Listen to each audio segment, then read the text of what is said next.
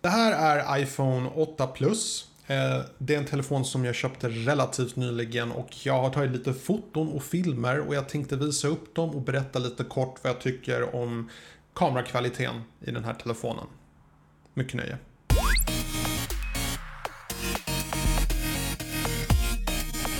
Hej och välkommen till Digitalrutan, mitt namn är Tommy och idag ska vi prata om iPhone 8 Plus. Framförallt är jag ute efter den här kameran som jag vill prata om.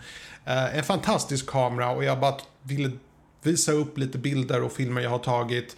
Så medan jag pratar så börjar jag visa de här klippen jag har tagit. Så jag hoppas ni tycker det är intressant.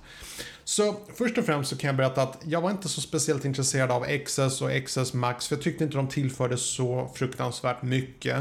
Eh, speciellt om man tittar på jämförelsebilder. Det är bättre kameror, ja.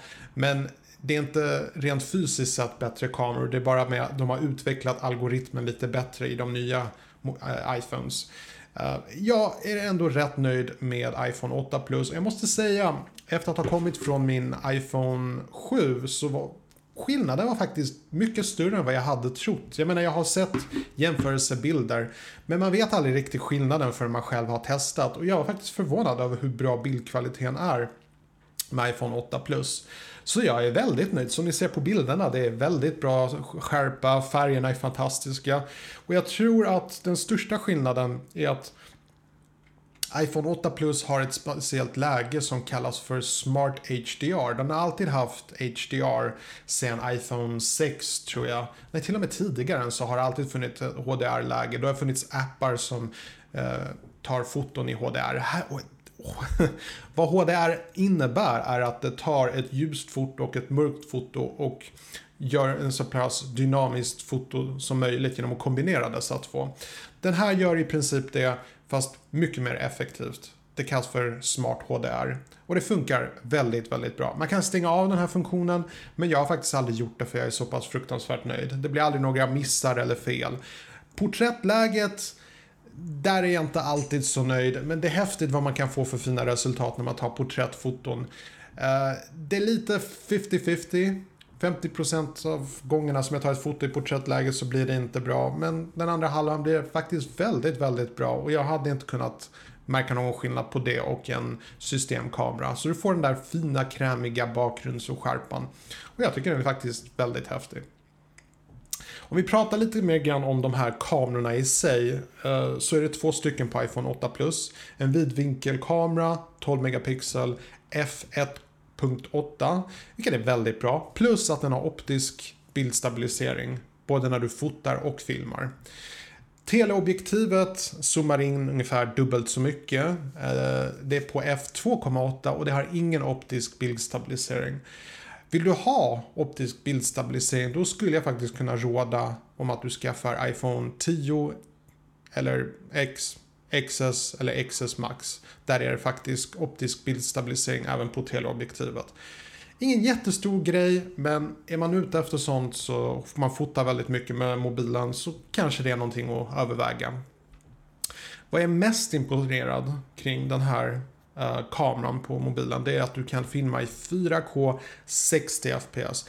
Jag har gjort väldigt många kortfilmer i mina dagar och för mig kameror just att kunna filma med en telefon är helt fantastiskt. Och när, när Note 3 släpptes med 4K så var jag helt häpen. Och nu när du har en telefon som filmar i 4K 60 FPS som de flesta konsumentkameror inte klarar av, då blir jag riktigt imponerad. Visst, det är en liten sensor, men att den klarar av 4K 60 FPS för mig är det helt oslagbart. Um, den har också en fantastisk slow motion möjlighet. Du kan filma 1080p i 240 fps och du kan få riktigt fin slow motion. Eh, jag blir faktiskt häpen varje gång jag bara tittar på min mobil och ser hur bra slow motion blir på den här telefonen. Eh, det är jätteroligt att ladda upp på till exempel Instagram och jag är mäktigt imponerad av den här kameran. Så fantastisk telefon. En sak som jag vill påminna och nämna, som jag personligen tycker är väldigt viktigt för alla de som tycker att Android-telefoner är bättre och mer prisvärda, vilket jag inte säger att de inte är. Men en sak att ha i åtanke att ska du använda din telefon för att filma till exempel vlogga eller göra kortfilmer. En sak som gör att iPhone sticker ut väldigt mycket det är att de filmar faktiskt oändligt. Det vill säga så länge du har batteri och utrymme på flashminnet så kan du i princip filma hur länge du vill.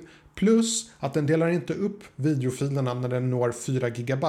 Vad jag vet så är det så på precis varje Android-telefon att du har en gräns på 4 GB, sen splittas filerna.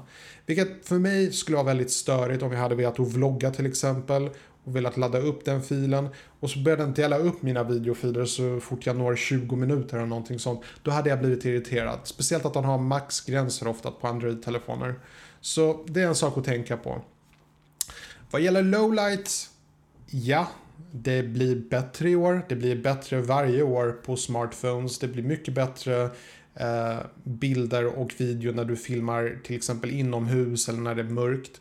Men jag är fortfarande inte imponerad och det skulle krävas väldigt mycket med tanke på att det är en så fruktansvärt liten sensor i telefoner. Det är tillräckligt svårt att få en bra bild med en vanlig systemkamera. Att lyckas få till det med en mobil eh, det, återigen, det blir bättre och bättre men det finns nästan en slags gräns för vad man faktiskt kan få ut ur en telefon. Antagligen kommer den gränsen kanske spräckas någon vacker dag men vad jag vet just nu så är det i princip omöjligt att du kan ta bra foton och bra videon när det är mörkt ute. Så det var allt jag hade för idag. Hoppas ni tyckte om den här videon. Om ni gjorde det, tryck gärna på gilla-knappen, prenumerera och kommentera gärna nedan. Jag passar på att önska dig en trevlig fortsatt dag. På återseende.